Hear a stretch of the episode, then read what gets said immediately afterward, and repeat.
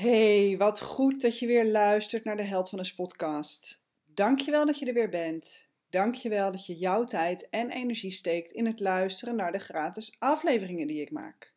Met mijn podcast wil ik je inspireren om je te focussen op wat je wil, op wat voor jou goed voelt, om te focussen op wie je wil zijn, hoe je wil leven en natuurlijk op wat je te brengen hebt in de wereld. En nu je hier toch bent, wil ik jou meteen vragen om mijn podcast te volgen en te beoordelen. Want hoe meer mensen de podcast volgen en beoordelen, hoe beter die ook gevonden wordt door anderen en hoe meer vrouwen hun voordeel kunnen doen met alle content die ik hier deel. In deze podcast wil ik je iets vertellen over twee mails die ik kreeg op dezelfde dag. Eén mail met kritische feedback op mijn masterclass en een mail van iemand die heel dankbaar was voor een van de podcastafleveringen die ik gemaakt heb. En voor beide mails ben ik dankbaar en in deze podcast wil ik je vertellen waarom. Jezelf zichtbaar maken betekent jezelf kwetsbaar opstellen. En dat kan natuurlijk twee kanten op werken. En de kunst is om in je eigen centrum te blijven en je voor beide kanten open te blijven stellen. Wat ik altijd tegen de vrouwen zeg die ik in mijn praktijk coach is: als jij 100% weet dat iets niet waar is, dan raakt het je niet en dan houdt het je niet bezig. bijvoorbeeld als ik zeg, jij hebt blauw haar, dan zal je heel makkelijk kunnen zeggen dat dat onzin is en nou, daarna denk je er waarschijnlijk ook nooit meer over na en houdt het je niet bezig. Maar stel dat ik tegen jou zeg, wat ben je toch een egoïst? Dan kan het zijn dat dat je wel op een of andere manier raakt.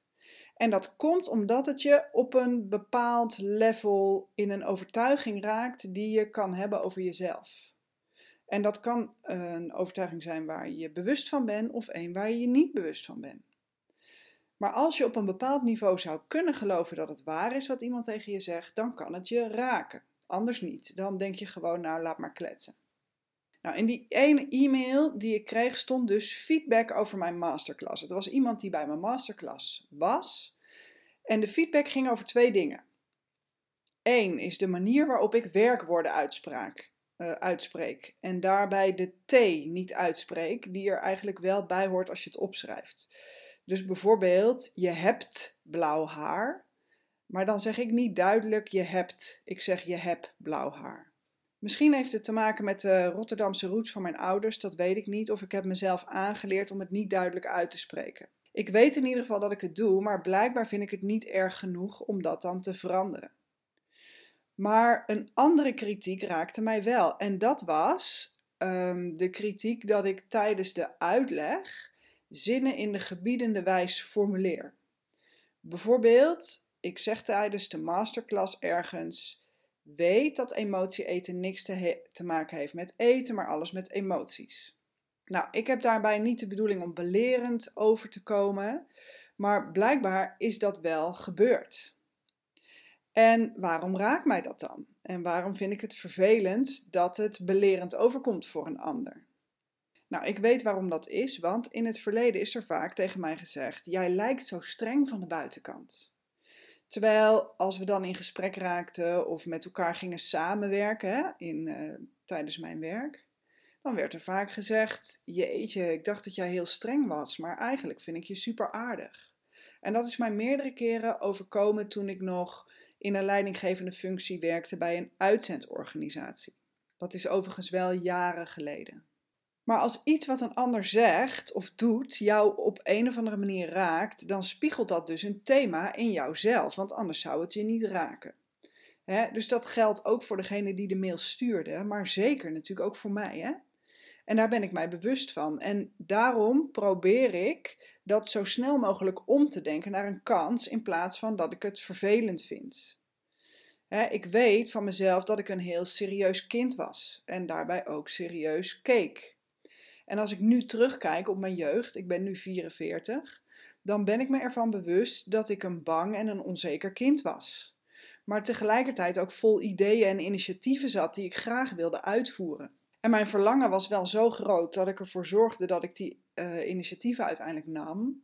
Maar tegelijkertijd vond ik het dan heel spannend en wilde ik alles heel graag goed doen, want ik voelde me ook altijd heel verantwoordelijk. En dat zorgde er dan voor dat ik er heel serieus bij ging kijken. En op school was ik bijvoorbeeld nooit echt een uitblinker en ik vond school ook niet heel leuk. Uh, pas toen ik ging werken en ontdekte waar mijn talenten echt zaten en ik volop mogelijkheden kreeg om die te gaan ontwikkelen, kwam ik beter tot mijn recht. Maar dat verantwoordelijkheidsgevoel, dat zit er nog steeds. En ik vind het nog steeds belangrijk om wat ik doe zo goed en integer mogelijk te doen. Het zijn belangrijke waarden voor mij.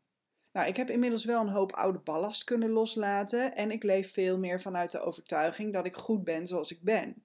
Ik reflecteer op mezelf, ik blijf mezelf ontwikkelen, maar ik vind het ook oké als sommige mensen mij niet trekken. En toch merkte ik dus dat deze e-mail weer even een stukje van die oude pijn raakte. En dat stukje pijn van die strenge Ineke en de manier waarop ze haar verhaal doet. En dat zorgt ervoor dat ik dus voor mezelf ook doe wat ik de vrouwen die ik coach altijd adviseer. Namelijk, gebruik dit soort dingen als richtingaanwijzer voor de stukken die nog aandacht vragen door mij zichtbaarder te maken en mijn verhaal te doen in de masterclasses die ik geef, maar ook in deze podcast en in de stories die ik post op social media, maak ik mezelf nou eenmaal kwetsbaar. En natuurlijk vinden mensen dan wat van je. En natuurlijk hoop ik ook dat andere vrouwen blij worden van wat ik maak. Maar aan de andere kant is het natuurlijk een utopie om te denken dat iedereen enthousiast is over je. Maar dat stukje innerlijk kind wat daar geraakt werd, daar ga ik dus wel de komende week nog wat heling voor mezelf op loslaten. Nou, ik doe dat zelf met zelfhypnose, maar ook met schrijven. Schrijven of journalen helpt mij ook om mijn gedachten te ordenen en het van me af te schrijven. En ik heb ook gemerkt dat het helpt om later nog eens dingen terug te lezen en dan je eigen ontwikkeling te zien. ik las laat stukjes terug die ik in 2018, 2019 had opgeschreven. En ik merkte dat ik ineens zag hoe puzzelstukjes in elkaar gevallen waren met de tijd bijvoorbeeld een droom die ik had opgeschreven waar ik op dat moment eigenlijk niks van begreep, die maakte nu opeens perfect sense, nu we een paar jaar verder zijn. En in een hypnosesessie, waarin ik zelf dus bij een hypnotherapeut zat, uh, waarin ik contact maakte met mijn hogere zelf en daarin losse woorden ontving als boodschap. Maar op dat moment kon ik die woorden helemaal niet plaatsen en ik was eigenlijk eerlijk gezegd zelfs een beetje teleurgesteld. Want in mijn ogen was het echt een vage boodschap van mijn hogere zelf, terwijl ik zelf vond dat ik een hele heldere vraag gesteld had. Nou, als ik daarop terugkijk en weet wat er allemaal gebeurd is in de tussentijd, zijn die woorden helemaal niet willekeurig en kan ik ze nu prima plaatsen in de tijd die er sindsdien verstreken is. dus dat kan het voordeel zijn om te gaan schrijven voor jezelf uh, en om daarin terug te kijken op je eigen ontwikkeling. Maar ik kreeg nog een mail. Ook een mail die me raakte. En dat was een openhartige mail van een vrouw die stuurde. Geregeld luister ik naar je podcast en ik lees je nieuwsbrieven, maar wat ik vandaag kan zeggen is dank, dank, dank uit de grond van mijn hart. Het begon met jouw eerlijke reactie op iemand die tijdens de masterclass iets zei over zelfliefde en toen ging er in mijn zijn voorzichtig een klein deurtje open. Nou, haar e-mail was nog veel langer, maar om privacyredenen doe ik daar natuurlijk verder geen mededelingen over. Maar ik was heel blij ook met deze mail. Want ook dat is het gevolg van mijzelf openstellen en zichtbaar zijn. En in dit geval dus, uh, in het geval van de podcast, mezelf hoorbaar maken. Iemand die gewoon heel blij is met de podcast, die merkt dat het iets in haar opent, waardoor ze tot een inzicht is gekomen voor zichzelf. Een inzicht dat maakt dat zij zichzelf beter kan begrijpen en waardoor zij ervaart welke stukken in zichzelf oude ballast zijn en geen functie meer hebben in het nu. En daarom maak ik de podcast natuurlijk ook om anderen te inspireren en uit te nodigen om persoonlijk te durven groeien. En voor beide e-mails ben ik dankbaar, want beide berichten stimuleren mij om het beste uit mezelf te halen en door te geven aan anderen. En ik waardeer het van beide dames ook nog eens enorm dat zij de tijd hebben genomen en er energie in hebben gestoken om mij überhaupt een bericht te sturen. En volgens mij is de kunst ook om zowel aan kritiek als aan complimenten niet gehecht te raken. In de zin van dat je er je identiteit aan ontleent. er is natuurlijk niks makkelijker dan beledigd te reageren op kritiek en jezelf in de wolken te voelen als je een compliment krijgt. Maar voor mezelf vind ik het belangrijk om steeds meer te leren om van binnenuit geluk te ervaren en dat steeds minder afhankelijk te laten zijn van externe omstandigheden. En geloof me, dat lukt echt niet altijd. En het gaat ook zeker niet vanzelf. Maar voor mij persoonlijk geldt dat ik weet dat niks van buitenaf mij voldoening zal geven. En dat alles wat je nodig hebt al in jou aanwezig is. En dat de kunst van het leven is om dat tot bloei te laten komen. En hoe is dat voor jou?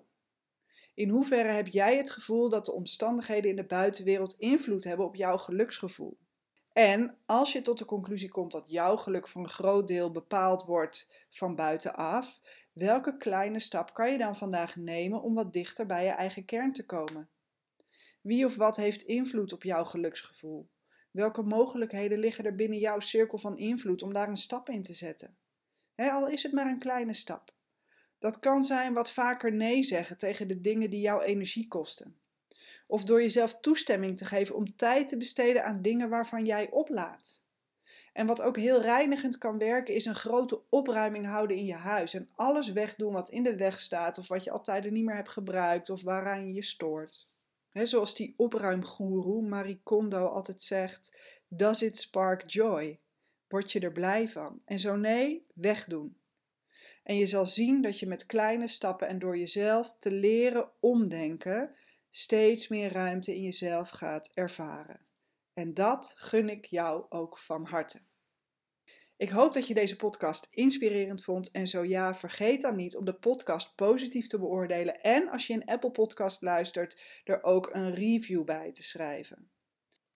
Uiteraard mag je de afleveringen delen op social media of doorsturen naar anderen via WhatsApp.